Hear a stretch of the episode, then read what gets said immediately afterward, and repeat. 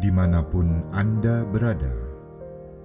Kita berjumpa lagi dalam Kencan dengan Tuhan, edisi hari Sabtu, tanggal 12 September 2020. Dalam Kencan kita kali ini, kita akan merenungkan ayat dari 1 Tesalonika 5 ayat 17 sampai 18 Tetaplah berdoa mengucap syukurlah dalam segala hal sebab itulah yang dikehendaki Allah di dalam Kristus Yesus bagimu Suatu ketika saat masih kuliah. Pak Dodi bersama dengan seorang teman kuliah yang adalah seorang bruder makan pecel lele di warung pinggir jalan samping Sarinah Tamrin. Saat mau makan, ada banyak orang juga yang hendak makan di situ.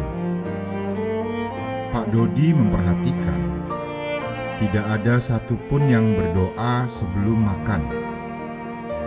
Kemudian, ketika pesanan makan mereka datang, Pak Dodi pun ragu-ragu untuk berdoa.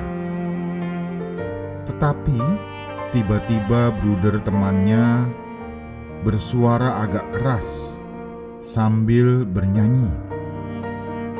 Dalam nama Bapa dan Putra dan Roh Kudus. Pak Dodi pun menjawab amin, lalu berdoa.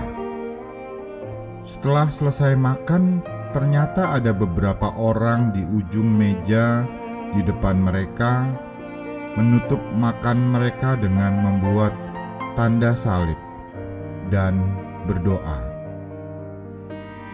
Tidak semua orang bisa menikmati makanan seperti yang kita santap. Itu semua adalah anugerah Tuhan. Karena itu merupakan hadiah atau anugerah dari Tuhan.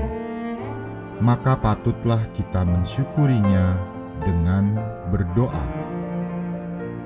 Ada banyak restoran atau rumah makan supaya makanannya mereka laku, mereka memakai penglaris berupa jimat-jimat yang diisi dengan kuasa kegelapan. Saat kuasa kegelapan itu menguasai makanan yang akan kita santap, maka makanan itu menjadi tercemar dan dapat menyebabkan sakit penyakit bagi kita yang menyantapnya. Bagaimana menawarkan racun kegelapan yang mencemari makanan tersebut? Doa itulah obat penawarnya. Tuhan Yesus bangga mempunyai anak, sahabat, dan pengikut seperti Anda dan saya. Maka patutlah kita juga bangga punya Allah seperti Dia. Kebanggaan kita dapat diungkapkan dengan senantiasa mengucap syukur dalam doa atas setiap berkat yang kita terima darinya. Tuhan Yesus memberkati.